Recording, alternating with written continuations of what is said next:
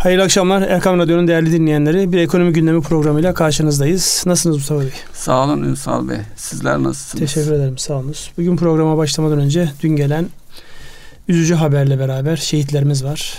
E, Tatvan'da düşen helikopterde şehit olan 11 tane vatan evladımız var. Onlar için öncelikli olarak bir Allah'tan rahmet dileyelim ve başımız sağ olsun ülke olarak. Maalesef e, ara ara bu tip haberlerle bir sarsılıyoruz. İnşallah bunlar son olur. Ülkemizin dikkati geleceğimizle alakalı hem e, maddi manevi gelişimimizle alakalı inşallah güzel haberleri de konuşacağımız zamanlar olur. İnşallah Allah rahmet eylesin. Yakınlarına başsağlığı ve sabır dileyelim inşallah. İnşallah. Şimdi bu hafta e, yani çok yoğun gündem maddesi var ama dün akşam itibariyle Fed Başkanı, Amerikan Merkez Bankası diyebileceğimiz tam Merkez Bankası'na karşı gelmemekle beraber Fed Başkanı Powell'ın yapmış olduğu konuşma piyasalara bir anlamda bomba gibi düştü. Yani herkes Amerikan ekonomisinin daha iyi gideceğiyle alakalı şeyler beklerken Powell orada daha böyle e, henüz daha geçmedi. Bazı sıkıntılar var. Kabilinden cümleler kurunca yani özet olarak söylüyorum ben. Piyasalar birden bunu olumsuz olarak algıladı. Biz bunun yansımasını nerede gördük? Hemen e, euro, dolar, Türk lirası, euro, dolar paritelerinde hemen bir hareketlenme gördük. Piyasalar, kimi piyasalar eksiye döndü. Eksi başladı sonra artıya döndü derken yoğun bir gündem oldu. Şimdi burada e, dünyanın bu kadar entegre olmasında ve Powell'ın yapmış olduğu bu konuşmadan piyasaların bu kadar kırılgan olması sadece bu konuşmayla alakalı mı yoksa genel anlamda bu büyümelerle alakalı endişeleri tetikleyen bir unsur olduğu için mi bu kadar ses getirdi diye size sorayım. Sonra diğer konulara devam ederiz. Ee, burada beklentiler de e, dikkate almak gerekir. Türkiye'de de e, piyasa ve Merkez Bankası arasındaki beklenti ve Merkez Bankası'nın beklentilerini piyasa beklentilerini ne şekilde yönettiği ve karşıladığı konularında e, zaman zaman tartışmalar oluyor. Orada da şimdi 10 yıllık hazine bonol hazine kağıtlarının faizleri 1.60'lara daha doğrusu 2'ye doğru gitmeye başladı. Bunu, yani 2013'teki ha, senaryo canlanıyor gibi bir yorum var. Burada, evet. Dolayısıyla bu gidiş enflasyonun da tetikleneceği yönünde bir e, beklenti var. Dolayısıyla enflasyon tetiklenecekse ve yükselecekse doğal olarak da faizler de yükselecek. Dolayısıyla Amerika'daki faizlerin yükseliyor olması e, doların tekrar memleketin Amerika'ya dönüşü anlamına geliyor. Bu da bu tarafta tüm dünyayı etkileyen bir unsur. Ancak e, buna karşı bu mevcut e, hareketlenmeye karşı e, FED'den beklenen uzun vadeli tahvil alımlarını artırması yönünde bir beklenti oldu. Ama buna cevap vermedi. E, Powell'ın da düşüncesi tamam e, biz zaten olaya hakimiz Önümüzdeki dönemde enflasyon artabilir mi? Artabilir ama hiçbir zaman iki seviyesine geç, geleceğini, geçeceğini beklemiyoruz. Dolayısıyla zaman içerisinde bu dengeye kavuşacak diye bir yorumda bulunarak hiçbir şey yapmaması. Bir ikincisi de e, işte bir süre sonra e, oradaki para bizdeki para e, kurulunun karşılığı olan kurul faizlerle ilgili karar verecek. Dolayısıyla öncesinde e, 10-12 günlük bir e, konuşmama süresi varmış. Dolayısıyla bu süre içerisinde de piyasadaki gelişmeler olacak. Bu gelişmelere e, herhangi bir cevap alamayacağı için piyasaların bir yönsüzlük ve endişe düzeyine artıran bir husus olarak değerlendiriliyor. Tabi bu da dediğim gibi sadece Amerika bir başına şey olmuyor. Rezerv para konumunda olduğu için tüm dünyayı etkileyen bir güç. Böyle bir karşı böyle bir e, söze sahip olmak ister misiniz böyle? Bir cümlenizde ee, bütün dünya piyasalarının Allah bullak olduğu ya da torunlarımın isterim. Torunlar. E, çünkü zamana bağlı, çalışmaya bağlı bir gün boyacı küpü değil de sokup çıkartılacak zaman içerisinde torunlarımızın o seviyeye gelmesini arzu ederim. Evet tabi bu arada başka bir Merkez Bankası Başkanı piyasaları rahatlatan bir açıklama yaptı. O kim? Japonya Merkez Bankası Başkanı'nın yapmış olduğu onların da yine tahvil getirileriyle alakalı yapmış oldukları e, hesaplamalar, değerlendirmeler e, o piyasaları biraz rahatlattı. Çünkü daha uzun vadeli bakıyorlar. 10 e, yıllık e, tahvil e, getirilerinin eğilimiyle alakalı beklendikleri gibi, beklenen gibi olduğu yönündeki açıklamalar bu anlamda piyasaları biraz rahatlattı. Şimdi oradan buraya geldiğimizde aslında bizi e, fevkalade ilgilendiren bir başka başlık var. Petrol fiyatları. Şimdi petrol fiyatları e, son zamandır aralıksız bir şekilde yukarı doğru gidiyor. Şu an baktığımızda işte 67 dolarlar seviyesinde Brent petrolden bahsediyorum. Dolayısıyla bunu aşağı getirecek olan unsurlar nedir? Üretimin arttırılmasıdır. Üretim artınca piyasadaki ürünün miktarı artınca fiyatların aşağı gelmesi. Fakat enteresandır OPEC ve OPEC dışı ülkelerin yapmış olduğu anlaşmalarda e, Rusya ve Kazakistan'a bir istisnai e, ayrıcalık tanındı. Onlar şu anki e, mevsimsel sebeplerden dolayı üretimlerini arttırarak olaya katılacaklarını yönünde mutabakata varıldı. Buna karşılık da Suudi Arabistan günlük üretimini 1 milyon varil azaltarak fiyatın aşağı düşmesini engelledi. Şimdi bunun bize yansıması nedir? Bizim en büyük e, ithalat ya da en büyük gider kalemimiz. dış ticaret kalemimiz ya da açık verdiğimiz taraf orası. Dolayısıyla bizde hemen böyle bir hareketlenmeler başladı ister istemez. Bunu e, nasıl değerlendirmek gerekir? Bu dönemde özellikle Covid sebebiyle henüz daha tüketimin yoğun olmadığı bir dönemde petrol fiyatlarının bu kadar yukarı gitmesini siz nasıl yorumluyorsunuz? Ee, buradaki tabi e, bu ülkelerin OPEC artı işte Rusya'yı başta kasteden bir e, e, yapı. henüz buradaki petrol fiyatlarından üretici ülkeler memnun değil bunun yükselmesi yönünde hareket etmeye çalışıyorlar. Ancak bir taraftan da bu Covid nedeniyle piyasaların ekonomilerin daral, daralmasından ötürü ve kaynağa da ihtiyaçları var. Yani istiyorlar ki e, bazı ülkeler işte e, yani üretim yapıldığında fiyat düşüyor. Üretim yapılmaması bir taraftan da ihtiyaçlar için daha fazla üretim yapıp satmak istiyorlar. Böyle bir ikilem içerisinde e, devam eden bir süreç. Nisan ayıyla ilgili böyle bir karar alındı. E, Mayıs üretimiyle ilgili de önümüzdeki ay e, tekrar karar alınacak. Tabi buradaki e, OPEC artı ülkeler derken bir de işin Amerika boyutu var. O da kaya petrolüne bağlı üretimlerde e, daha önce de e, konuşulmuştu. E, Amerika artık en büyük petrol petrol üreticisi konumunda oradaki kaya petrolünün üretim maliyetleri de yüksek olduğu için fiyatların yükseliyor olması e, oradaki üreticilerin de işine geliyor ama on, o kaynaklarda devreye girdiğinde petrol fiyatları bu sefer düşüşe geçmesi bekleniyor. Bir diğer husus da e, İran'la ilgili eğer e, yeni Amerikan yönetimi İran'la bu e, nükleer anlaşmaya İran'ın dönmesi konusunda adım atılırsa İran'ın da petrol üretim e, sürecine e, üretici olarak dünya piyasalarına daha rahat hitap edebileceği için orada da üretim artışı bekleniyor. Yani 70 dolar seviyelerinde bir fiyatın önümüzdeki süreçte e, belki e, bir birkaç yıl devam edebileceği gibi bir beklenti var ama ana ana beklenti belirleyici de Covid'in dünya üzerindeki ekonomileri ne şekilde etkileyeceği. Evet. Peki burada e, özellikle İran'ın e, Biden'ın gelmesiyle beraber yapmış olduğu açıklamalar vardı. Yani e, yine bir hayal kırıklığı yaşayacağız şeklinde bir açıklama yapıldı. Yani e, bu bir şey midir? Stratejik anlamda e, bir taktik midir? Şimdi e, Amerika'da yönetim değişti. İran'da da seçim olacak.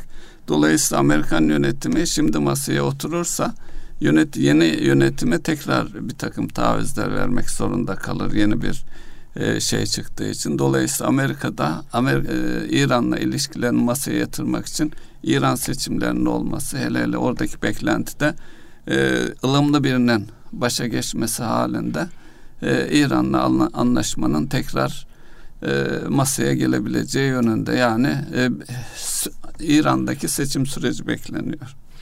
Yorumlar bu şekilde. Evet. Şimdi burada e, bizim açımızdan da önemli bir gelişme özellikle hafta içerisinde Mısır'ın e, yapmış olduğu bir açıklamada yani Doğu Akdeniz'le alakalı yapılan bir açıklamada Türkiye ile alakalı bir e, kararda yani görüşmelerin başlayabileceği yönünde bir açık kapı bırakıldı. Buna da Türk Dışişleri hemen bir e, yorum yaparak biz Mısır'la görüşebiliriz diye bir şekilde pozitif, değer, yönde. pozitif yönde bir değerlendirme oldu. Şimdi bunu da düşündüğümüzde özellikle Doğu Akdeniz bizim için fevkalade önemli bir başlık.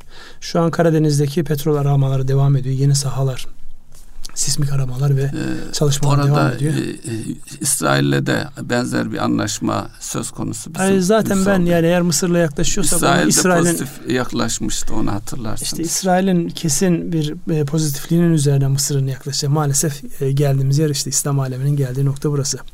Yani Mısır kendiliğinden Türkiye'ye o şekilde yaklaşabilir mi sorusunun cevabı maalesef ve maalesef hayır diyoruz. Ancak İsrail'le yani oradan bir e, göz kırpma geldiği için arkasını getiriyor olabilirler. Dolayısıyla önümüzdeki dönemde bizim bu e, petrol ve gaz aramalarıyla alakalı yoğun bir gündem maddesi yaşayacağımız döneme içine giriyoruz. Ben bu arada e, bu hareketlemelerin olduğu dönemde Türkiye'de özellikle piyasalara yönelik para giriş çıkışları ile alakalı şunu sormak istiyorum. Beklediğimiz o yabancı kaynak girişi ile alakalı sizin düşündüğünüz şey oluyor mu?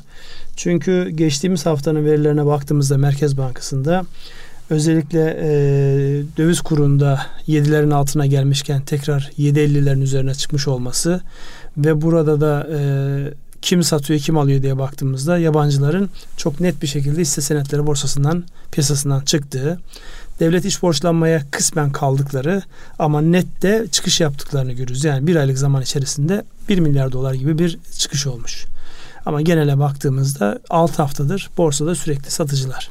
Şimdi biz bir taraftan kaynak girişi beklerken öbür taraftaki bu çıkış birkaç tane soruyu akla getiriyor. Döviz kuru yabancılar için cazip mi ki bu fiyatlardan döviz alıp e, çıkmayı tercih ediyorlar? Ya da daha uzun vadeli olarak e, Türk e, değerlerinin yani hisse senedi, hazine bonusu, devlet tahviliyle alakalı beklentileri daha mı fiyatların aşağı geleceği yönünde?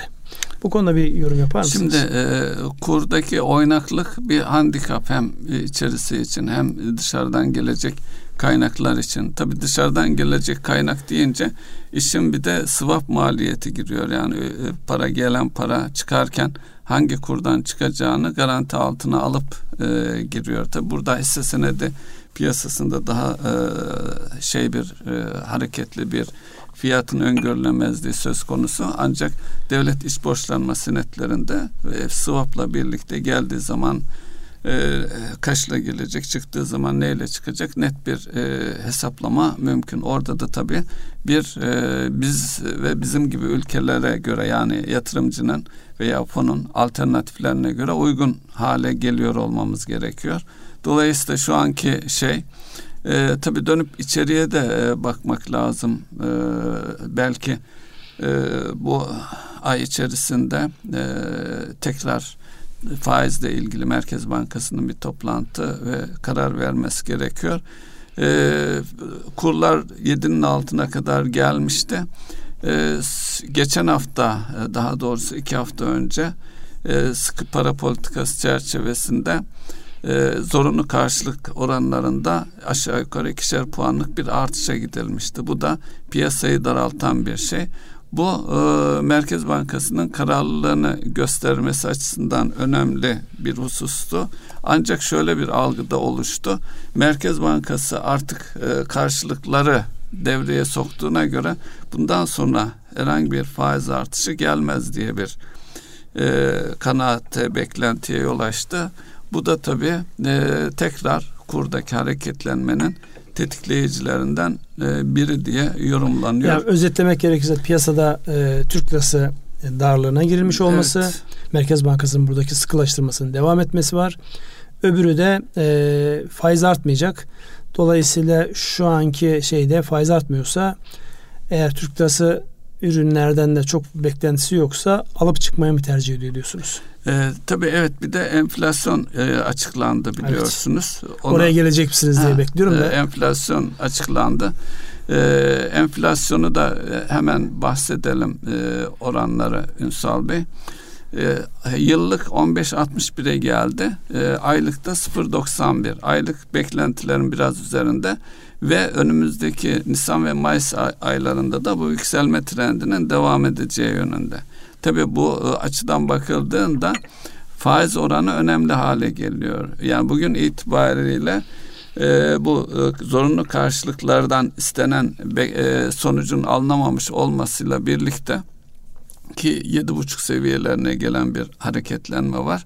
Ee, önümüzdeki e, dönemde yani iki ay içerisinde 100 baz puanlık veya 50-50 gibi yine az da olsa e, faizlerin yükselmeye yükselme eğiliminin e, eğilim söz konusu tabi Merkez Bankası'na karar verecek bilmiyorum. Bu dönem bu şekilde atılırsa e, ikinci, üçüncü çeyrekten itibaren de e, faiz oranlarımızda ciddi düşüşlerde e, bekleniyor. Evet. Ama şu an için e, bu ay içerisinde de gelecek ay içerisinde de yani bir faiz artışının olması e, dilimler halinde beklenti dahilinde. Ya şimdi psikoloji o kadar hızlı değişiyor ki yani neydi bundan bir önceki konuşulan hadise? Türkiye'nin e, yıl sonuna kadar faiz arttırıp arttırmayacağı pardon azaltıp azaltmayacağı ile alakalı bir şeydi. Merkez Bankası Başkanı'nın yapmış olduğu açıklamalarda yani olaya uzun vadeli bakıyoruz böyle günübirlik kararlar almayacağız şeklinde. Yani beklenti faizin düşürülme ihtimaline karşı Merkez Bankası'nın nasıl bir tavır sergileyeceğiydi. Enflasyonda bir kıpırdanma olunca otomatik olarak bu sefer faiz artacak mı artmayacak mı tartışmasına girildi. Yani çok hızlı değişiyor. Bu anlamda gerçekten Merkez Bankası'nın yerinde olmak yani ya da o, o karar vericilerin içinde olmak zor bir hadise. Yani burada e, dönüp o kararı verebilmek, onun arkasında durabilmek zor. Yani bu açıdan baktığımızda e, beklentilerin hızla değişiyor olması piyasadaki gelişmelerden ve veri akışı ile alakalı bir hadise. Peki siz şey... Ünsal Bey burada bir şey daha e, sormak istiyorum size. E, üretici fiyatları da 27,09 aylıkta 1,22 oranında artmış durumda. Şimdi şeyle birlikte e, aşağı yukarı e, tüketici fiyatlarıyla 10-11'lik e, bir fark var arada. Neticede bu üretici fiyat endeksindeki artışlarında bir yolla tüketicilere yansıması beklenir. Önümüzdeki süreçte bu nasıl e, yönetilecek? Ya onun nasıl? aslında son dönemdeki e, yorumu şu zaten yansımaya başladı. Ama hala yansıtılmamış miktar var. Şimdi yansıtılmamış miktar bu tip böyle farkların oluştuğu dönemlerde ya üreticinin yani e, elinin kuvvetli olduğu zamanı yansıtmamak gibi bir şansı yok. Ya yani o tamamen piyasanın talebiyle alakalı bir e, durum. E, şu an talep var mı? Evet talep var. Dolayısıyla bu bir şekilde o fiyatlara yansıyacak. Ama ne kadar zaman içerisinde yansıyacak sorusunun cevabını birlikte göreceğiz yani. Ama oradaki o fark orada bekliyor. Yani bir gün e, son kullanıcının aldığı fiyatlara yansıyacağı ve tüketici fiyatlarının daha yukarı gideceği ile alakalı beklenti var. Zaten biraz da bu e, beklentiler özellikle yabancıların e, hisse senedinden devlet iş borçlanmasına kaymasının temelinde şu var. Faiz beklentisinin yukarıya doğru olacağına dair bir beklenti var. Aynı işte o Amerika'da yaşanan 10 yıllık devlet tahvillerinin birden yukarı gitmesi. Neden? Enflasyon beklentisi yukarı gidiyor. Dolayısıyla beklenti olarak olabilir. Ama uygulamada ne olacağını diyorum ya şu an bilmek de görmek de şu anki rakamlarla mümkün değil. Fakat o eğilim var mı? Evet o eğilim var. O eğilim ortaya çıkınca Merkez Bankası'nın şu an faiz arttırmayacağım ya da azaltmayacağım, burayı uzun soluklu yöneteceğim şeklindeki duruşu nereye evrilir? Onunla yine beraber göreceğiz. Çünkü gerçekten e, datalar dün geldiğiyle bugünkü arasındaki fark bakışı bambaşka yöne değiştiriyor. Diyorum ya daha önce de Merkez Bankası indirir mi diye konuşurken şu an arttırır mı konuşmaya başladık. Çünkü enflasyon verisi bunu söylüyor. Evet buradan Peki buradan e, şeye e, döviz tevdiat hesaplarına değinelim mi Ünsal Bey? Ona değinelim Şimdi, çünkü orada e, evet gerçek kişiler e, sabit evet, duruyor vatandaş Evet, tüzel kişilerde 2 milyar dolar seviyesinde bir azalma var. O vatandaş önemli bir satmıyor. azalma. O önemli evet. bir azalma. Yani onu görmek lazım. Ama e, özellikle bireylerin satmıyor olması, e, almış oldukları miktarı aynen muhafaza ediyor olması çok ilginç. Yani onu da görmek icap eder. Yani orası e, benim de böyle hayretle izlediğim fiyat 7'nin altına iniyor satmıyor. 7.50'ye çıkıyor satmıyor. Yani orası artık park edilmiş duruyor orada. Yani oradaki beklenti tekrar e, döviz yukarıya gidebilir e, diye bir beklentiyle tekrar DTH'larda artış olabilir mi? En azından e, birkaç haftadır e, sabit ve kısa e, birkaç haftada aşağı doğru yönlü idi. Ee, tabii bir de şu var e, 7'nin altına inen kurun tekrar 7.47-50'lere çıkması nedeniyle de e, sanki biraz azalma olmuş gibi etki yaptı e, döviz tevdiat hesaplarında. Ama bu da e, çözülmesi yönünde e, daha bekleyeceğimiz gibi bir sonuç çıkıyor. İşte insanların satma noktasındaki yani gönül rızası evet. ne zaman oluşur onu onu e, görmek için dediğim gibi beklemek lazım. Yani Merkez Bankası'nın mesela 7'nin altına indikten sonra orada bekleseydi ya da 7.30'un altına çok hızlı indi. Ee, işte 6.90'ları gördük. Oradan sonra tekrar hızlı gelince insanlarda bu hareketsizliğe sebep olmuş olabilir. Yani oradaki o hareket ilginç benim açımdan da baktığımızda yani burası e, gerçekten izlenmesi gereken, irdelenmesi gereken bir şey. Merkez Bankası'nın ve diğer otoritelerinin e, bazı uygulamalarını zorlaştıran bir bakış açısı. Bir türlü çözemiyorsun. O dolarizasyondan tersine dolarizasyona gelemiyor bir türlü. Peki e, enflasyonla ilgili önümüzdeki dönemde artış bekleniyor. Burada neler söylenebilir? Yani e, gıda fiyatlarına ve dünyadaki tüm ham madde fiyatlarının metaller dahil ve gıdalar gıda ürünleri dahil yukarı olan seyrini devam ettiriyor. Belki tüm dünya açısından da bakıldığında maliyete dayanan bir e, enflasyon söz konusu olur olur mu tüm dünyayı etkileyen beklenti de o yönde. Ya bir bütün olarak baktığımızda dünyada enflasyonist baskı üst seviyeye çıkmış durumda. Özellikle bu e, ham madde tedariki, e, bunların transferi, taşınması, işte konteyner bulunup bulunmaması, navlun fiyatlarının artması bunların hepsi e, tetikleyici unsur. Bir taraftan da iklimdeki değişikliğin getirmiş olduğu bazı ürünlerde kıtlık yaşanabileceği ile alakalı beklentiler. Hocam bunları hep birlikte değerlendirdiğimizde enflasyon beklentisinin biraz daha yukarı gitmesi. Türkiye açısından baktığımızda yani dünyanın en yüksek enflasyon e, seviyelerinden bir tanesi. En fazla işte para politikası faizine baktığımızda da en yüksek e, faiz ödeyen ülkelerden bir tanesi. O açıdan baktığımızda bu sürecin bize maliyeti çok üst seviyede oluyor. E, burada e, doğru olan nedir? Bizim ekonomiyi ne üzerine büyüteceğimiz. Ama ekonomiyi büyütürken de şöyle bir şeyimiz var. İhracat Bu tarafı. Bu arada büyüme rakamlarını da söyleyelim mi Ünsal Bey? E, ülke ekonomisini büyütmede ihracatı şu an e, ana kalem olarak aldık ama bizim ihracatımızın arkasında çok ciddi bir ithalat var. Yan yana koyduğumuzda biz e, yani enflasyonu da bir anlamda bugün gazetelerden bir tanesinde öyle bir başlık vardı. Enflasyonu da ithal ediyoruz. E, maliyetleri de ithal ediyoruz. Dolayısıyla ihracatımız, ekonomimizi büyütürken katlandığımız maliyetler bize başka e, problemlerin gelmesine sebep oluyor. Buradaki en temel unsur son zamanlarda e, Sanayi Bakanlığı, Teknoloji ve Sanayi Bakanlığı'nın geliştirmiş olduğu ithalatı engelleyecek e, ürün üretim alanlarının desteklenmesiyle alakalı bir program açıklandı.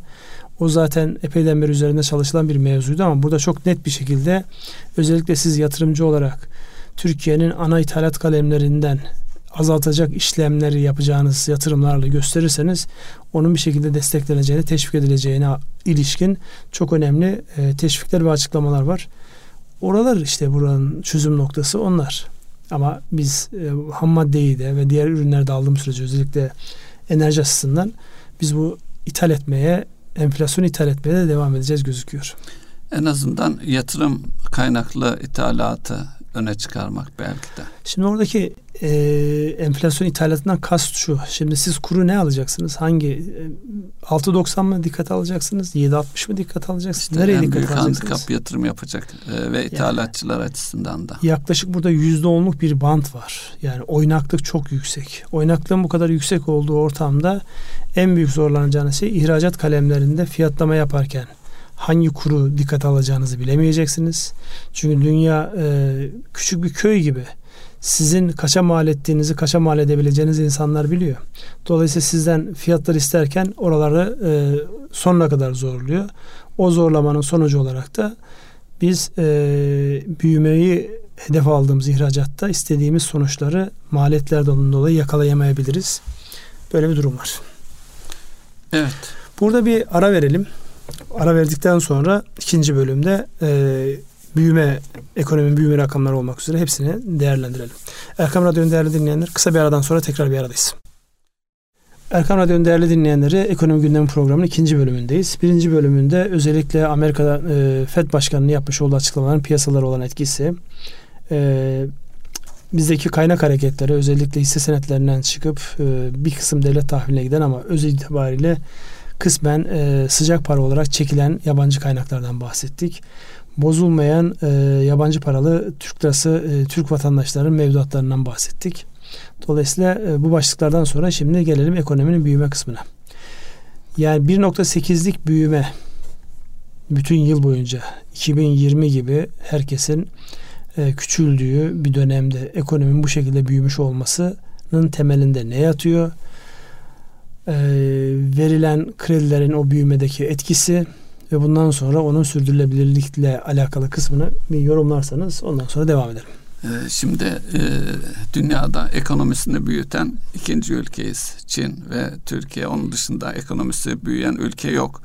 E, tabii geçen yıl e, ekonomiyi büyümede başlıca etken e, kredi genişlemesi oldu. Kredi genişlemesiyle hem e, ticari tarafta hem e, bireysel tarafta e, özellikle konut ve otomobil eksenli olarak e, oldukça beklenenin üzerinde bir büyüme yaşandı. Tabii onun bir takım maliyetleri oldu. Ee, daha önce de konuştuk. Ancak şu anda o da bir gerçeklik olarak duruyor ve içinde bulunduğumuz süreçte de yani son çeyreğe baktığımız zaman Türkiye 5,9 Çin 6,5 seviyesinde büyümüş. Yani son çeyrek itibarın it, itibariyle de e, genelde e, tüm dünya ülkelerinde bir küçülme var. Bu içinde bulunduğumuz çeyrekte de büyüme bekleniyor ve hareketli bir ekonomimiz. Avrupa'da da açılmalar söz konusu özellikle e, Covid'e değinmedik. E, Covid ile ilgili e, haritalar yayınlanıyor e, şeyle ilgili e, aşılama ile ilgili ve aşılama sonuçların sonuçları itibariyle de ciddi sonuçlar alınacağı öngörülüyor e, aşılamanın ekonomilere aç, aç, e, açılması açısından. Biz ülke olarak e, çok e, şey e, yani kötü bir noktada da değiliz. Ortada yer alıyoruz şey itibariyle. Ama hızlı giden ülkeler de var. Ee, onların da altını çizmek lazım. Ama özellikle Avrupa'daki aşılamanın hızlı gidiyor olması biz onların gerisinde kalmadığımız takdirde oldukça bizim lehimize sonuç doğuracak e, görünüyor. Şimdi bizim lehimize sonuç doğuracağı ile alakalı pozitif beklentiye ben de iştirak ediyorum. Yalnız burada bir dikkatimizi çeken en temel unsur şu. Avrupa'nın bu kadar yavaş gidiyor olması bizim en önemli ekonomik partnerimiz Avrupa. Dolayısıyla önümüzdeki dönemde bu aşılamayla alakalı e, ne deniyor? Aşı pasaportları. Dolayısıyla e, ülkelerdeki insanların hareketlerinin kolaylığı. Biz biliyorsunuz geçen sene yaklaşık 60 milyar dolara varan bir beklenti içerisindeydik turizmden. 20 milyar dolar realize olmadı. Bu sene de beklentimiz yüksek.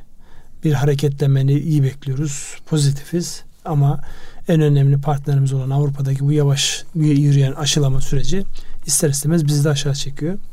Dolayısıyla yani bizim oradan öne geçmemiz tek başına yetmiyor. Onların da önünde kalması icap eder. Yani e, en önemli, önemli pazarınız orasıysa o pazarın da iş yapılabilir dikkatinin iş yapmak üzerine kurgulanması icap eder. Onun için e, yani buradaki o gelişmeyi yakından hepimiz izliyoruz. İzlemeye de devam edeceğiz. Buradaki en e, benim üzerinde durduğum en temel unsurlardan bir tanesi özellikle bizim bu Covid sürecinde ekonominin büyümesiyle alakalı alınan bazı tedbirlerin yorumlamasının yani 180 derece zıt yorumlanıyor. Evet doğru o dönemde ciddi bir e, kaynak kaynak e, derken Batı'nın yaptığı gibi değil çünkü bizim zaten imkanlarımız ona el vermiyor. Krediyle yapmış olduğumuz bir büyüme var ve bu büyüme e, birikmiş konut stoğunu hareket görmeyen uzun zamandan beri hareket görmeyen otomotiv sektörünü hareketlenir hale geldi ve uzun vadeli olarak o kaynaklar oraya düşük getirili olarak bağlandı. Bu da banka bilançolarına olan etkisini önümüzdeki dönemde bir şekilde göreceğiz. Burada asıl bizim üzerinde kafa yoracağımız e, bundan sonraki süreçte bu kaynağı nasıl tedarik edeceğiz? E, Merkez Bankası sıkı para politikası uyguluyor. Yani piyasaya çok fazla kaynak bırakmıyor ama bir taraftan da ekonominin ihtiyaç duyduğu kaynak var. Bu kaynak nereden gelecek? Şimdi o kredi büyümesi e, döneminde firmalarımızda muhafaza etmiş olduk bir taraftan Ünsal Bey. şu an itibariyle e, istikrara kur seviyemiz kavuştuğu takdirde ülkeye daha fazla para girişi bir ana beklenti olarak duruyor. Ama şu anda e, neler yaşandığına ilişkin piyasaya baktığımızda da e, bu yapılandırmalarla ilgili pandeminin uzun sürmesi hele hele bu bahsettiğimiz turizmdeki beklenen gelişme henüz olmadığı için e, önceki yapılandırmaların taksitleri ödenemiyor. Şimdi o yapılanmaların faiz oranları düşüktü. Şimdi e, bankalardan genellikle tabi e, hak vermek de mümkün. Şu an e, 20'nin üzerindeki e, oranlarla önceki yapılandırmaların yenilenmesi yönünde bir şey var, hareket var. Ama bu e, bir noktada e, banka şunu söylüyor, tamam piyasayı biliyoruz, ödeyemiyorsun. E, ödemeni de beklemiyoruz zaten ama edimini yerine getiremedin. Gel söz e, yapılandırmayı yenileyelim. Tabii bu cümle en az şu andaki e, müşteri açısından bakarsak 4-5 puanlık asgari daha yüksek bir puanla yenileme talepleri, e, önerileri geliyor. Bu da e, firmaları e, yani altından kalkamayacağı yeni bir yükün altına sokuyor bir noktada. Eğer bu olmazsa bu sefer bankaların da e, zararı söz konusu. Yani ortada bir yerde nasıl olur, nasıl yönetilir? Çünkü e, artık e, reel sektör tarafında e, sesler yükselmeye başladı Ünsal Bey. Tamam ne diyorlar? Ve bunun da e, yani e, reel sektörde bir an evvel faizlerin aşağı gelmesi bekleniyor. İşte konuşuyorduk 10 dakikadır yukarı çıkmasıyla ilgili olarak. Şimdi enflasyonun yüzde 15'in üzerinde olduğu bir ortamda. E zaten bir önceki yapılandırmalar yüzde dokuz onlar civarında olmuştu hatırlarsanız. Evet. Bankalar bundan ciddi bir zarar yazıyorlar. Yeni yapılandırmayı enflasyonun altında bir şey de yapmak demek şu an bütün bu yüklenmelere rağmen ayakta duran finans sektörünüzün çok ciddi bir zarar görmesi anlamına geliyor. Nasıl olacak? Denge nerede nasıl kurulacak? İşte e, çok bir muamma olarak duruyor bugün için. E, piyasaların açıldığı varsayıldığımız takdirde bu bir yolla yönetilebilir. Yani neticede önceki e, yapılanmanın gereklerini yerine getiren firmalar açısından sorun yok. Onlar o eski oranlardan devam ediyor olacaklar. Ama buradaki sıkıntı ve sorun e, henüz e, ekonomik açıdan e, piyasalar kendi sektörlerine e, bağlı piyasaların açılmamış olmasının e, bir sonucu. Evet. Yani kendi piyasaları açmaya buradaki o ince dengeyi nerede kuracağımız çok önemli. Yani evet. eğer olayı bankacılık ne firma üzerine, ölsün ne de banka işte zarar görsün. Bankacılığın üzerine kurgularsan bu sefer bankalar çok ciddi sıkıntı yaşar. Yani burada başka açılıma ihtiyaç yok mu sizce? Evet. Evet'in devamı İşte o gelsin. açılımı e, ben de düşünüyorum. Nasıl bir uzlaşma noktasında hareket edilecek diye. Anladım. Tamam o zaman. Var mı öneriniz? Yok benim önerim şimdi şu. Burada biz e, evet yani şu an finans sektörünün desteğiyle ayakta duruyoruz. Zaten finans sektörünün varlık olsak, gerekçesi o. Evet. Şimdi biz büyümemizi öyle ya da böyle bir şekilde yurt dışı kaynağı endekslemiş vaziyetteyiz. Ve şu dönemde bize kaynak gelmiyor. Sadece e, bugünlerde rating şirketlerinden yani negatif olan görünümü işte durağan, durağına işte, çevirme, evet. durağan olanı pozitife çevirmek gibi ufak ufak işaretler var ama bunlar hala bizim yatırım yapılabilir olmamız konusunda gereken desteği vermiyor bize. Öbür tarafta da elimiz sıkışmış vaziyette. Çözüm ne? Çözüm piyasanın belki birbirini bu anlamda e, destekleyeceği mekanizmaları kurgulamak olabilir. Yani eskiden e, çok ciddi bir satıcı kredisi diyebileceğimiz ya da tedarikçi e, fonlaması diyebileceğimiz bir yapı varken aslında bu pandemi süreci ve pandemi öncesindeki o hızlı kur artışlarının getirmiş olduğu en büyük handikap bize bu satıcı kredisi piyasanın birbirini kollayan, koruyan yapının ortadan kalkmış olması oldu büyük ölçüde.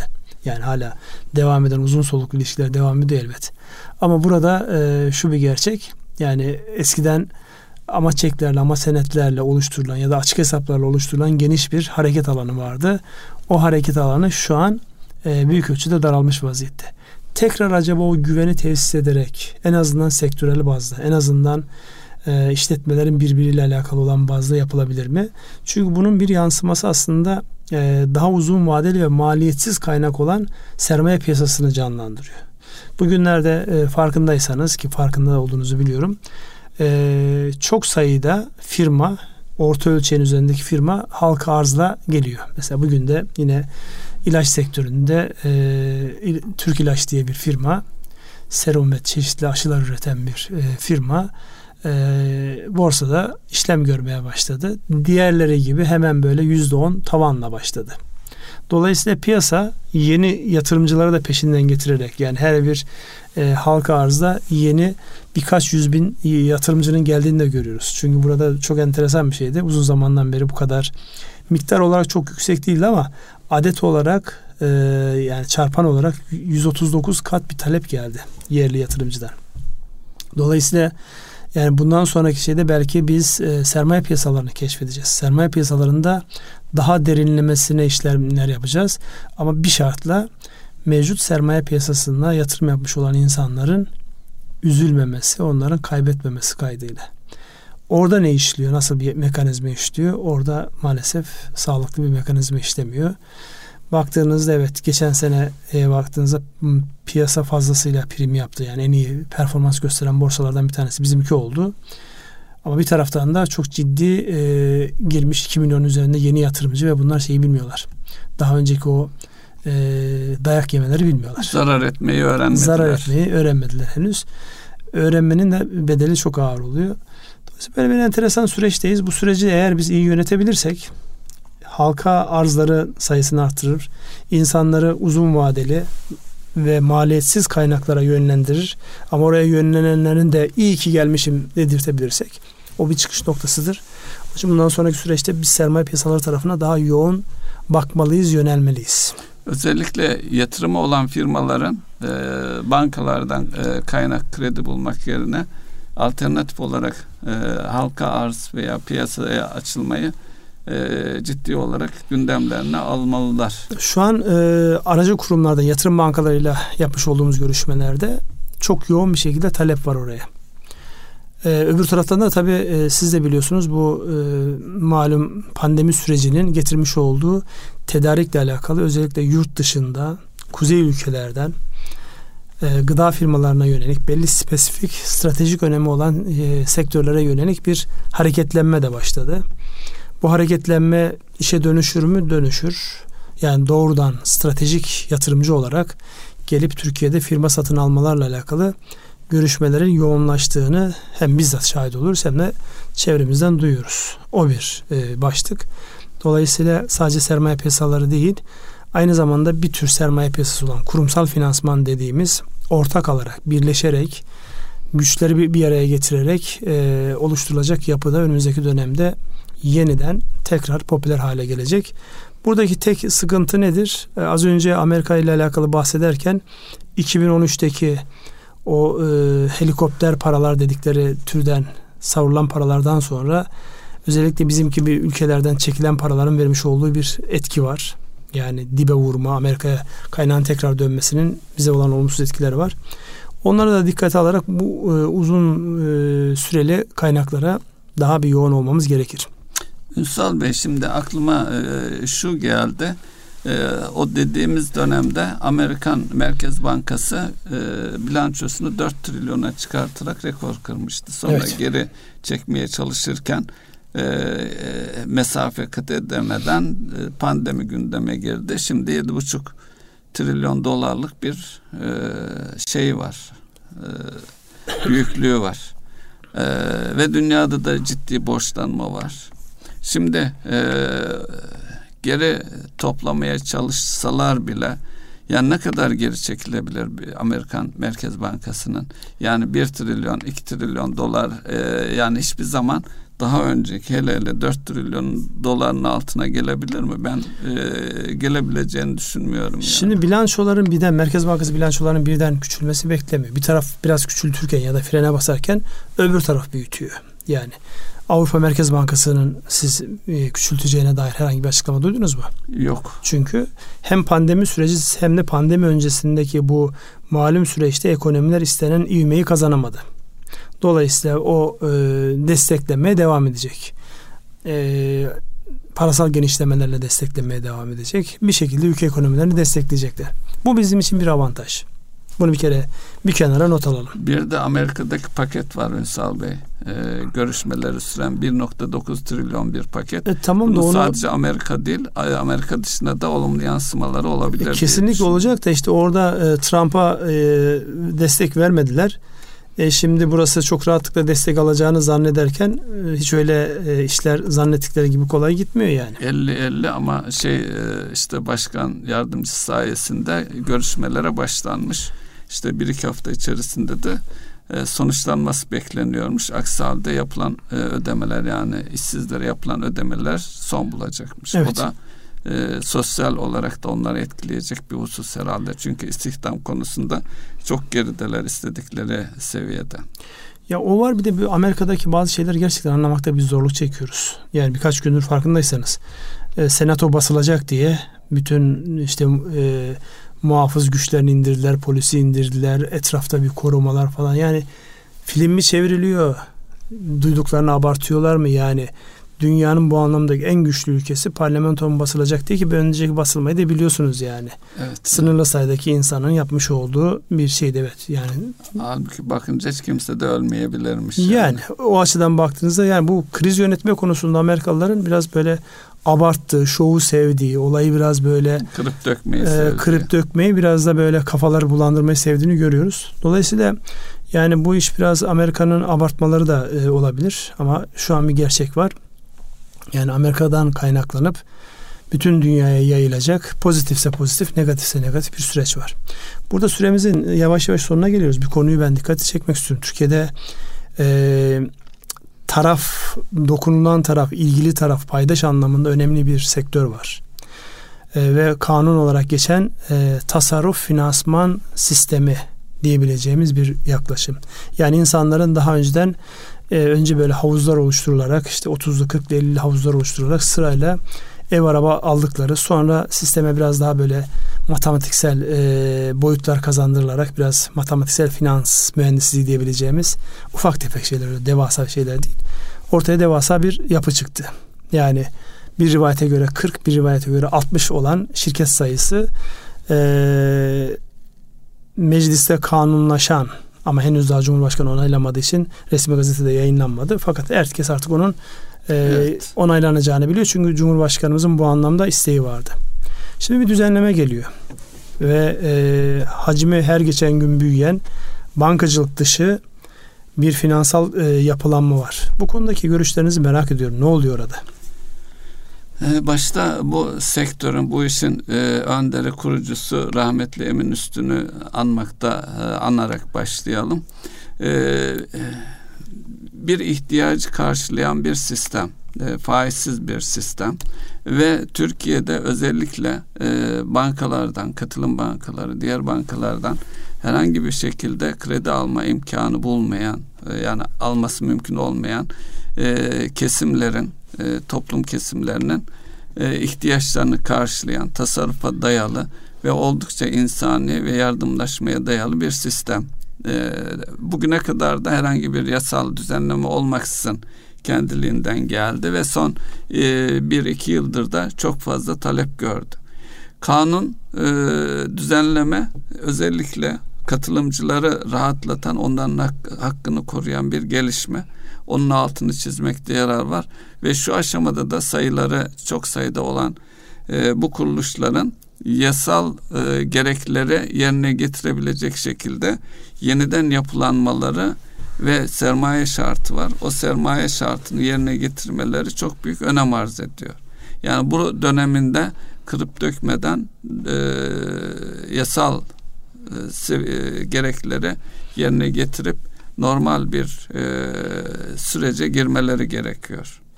Yani öncelikle şunu söyleyeyim. Bu kanunun çıkmış olması iyi bir şey. Evet. Yani ileride ama ileride şey. e, ciddi problem olma ihtimali olan bir sektörün disiplin edilmesi, orada e, giriş kolaylığından dolayı her can isteyenin girip şirket kurduğu bir yapıdan bundan sonra giriş şartlarının ağır olduğu, BDDK gibi e, şekil şartlarına çok önem veren bir yapının kontrolünde e, kurulacak ve e, gelişecek olmaları, denetlenecek ve düzenlenecek olmaları ciddi bir avantaj.